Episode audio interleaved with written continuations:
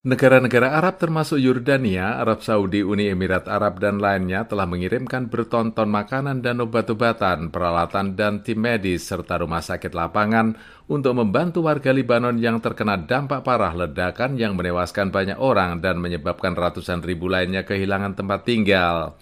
Irak telah mengirimkan 800 ribu liter bensin ke Libanon untuk membantu pengoperasian generator listrik. Qatar adalah negara donor tunggal terbesar yang menyumbang 50 juta dolar dari 297 juta dolar yang dijanjikan dalam bantuan internasional.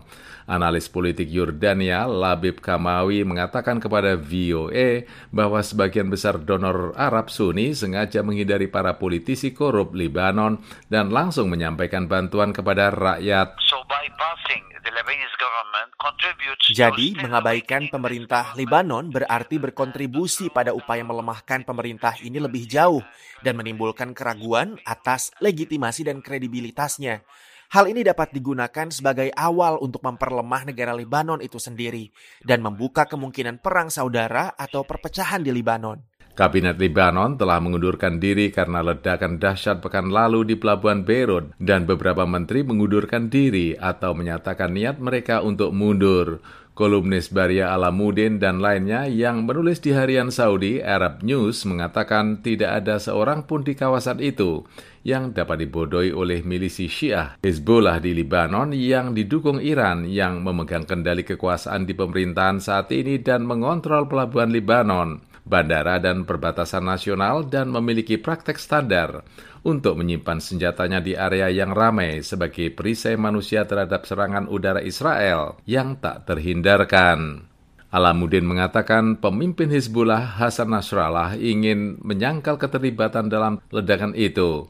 Ia mengatakan bahkan jika Hizbullah tidak berperan dalam menimbun bahan peledak itu, setidaknya Hizbullah gagal meningkatkan kewaspadaan meskipun mereka berpura-pura untuk bertindak sebagai pelindung Libanon. Alamuddin memperingatkan Libanon telah memburuk dengan kecepatan yang mengerikan sehingga sekarang jelas bagi semua orang bahwa hanya perubahan arah yang radikal yang dapat menyelamatkan bangsa itu. Kendati demikian, Kamawi mengatakan pemerintah Libanon sudah lepas dari benang kusut dengan pengunduran diri para menteri dan anggota parlemen serta ancaman yang dikeluarkan oleh Nasrallah kepada siapa pun yang mencoba menuduh Hizbullah bertanggung jawab atas ledakan itu baik secara langsung maupun tidak langsung. Meskipun banyak orang tidak ingin melihat konflik meletus lagi, yang menjadi pertanyaan akankah orang Libanon dapat bergandengan tangan dan melupakan garis sektarian demi persatuan. Maybe Mungkin tidak ada cukup polarisasi pada tataran bawah, tetapi pada tataran atas terdapat polarisasi yang sangat-sangat jelas.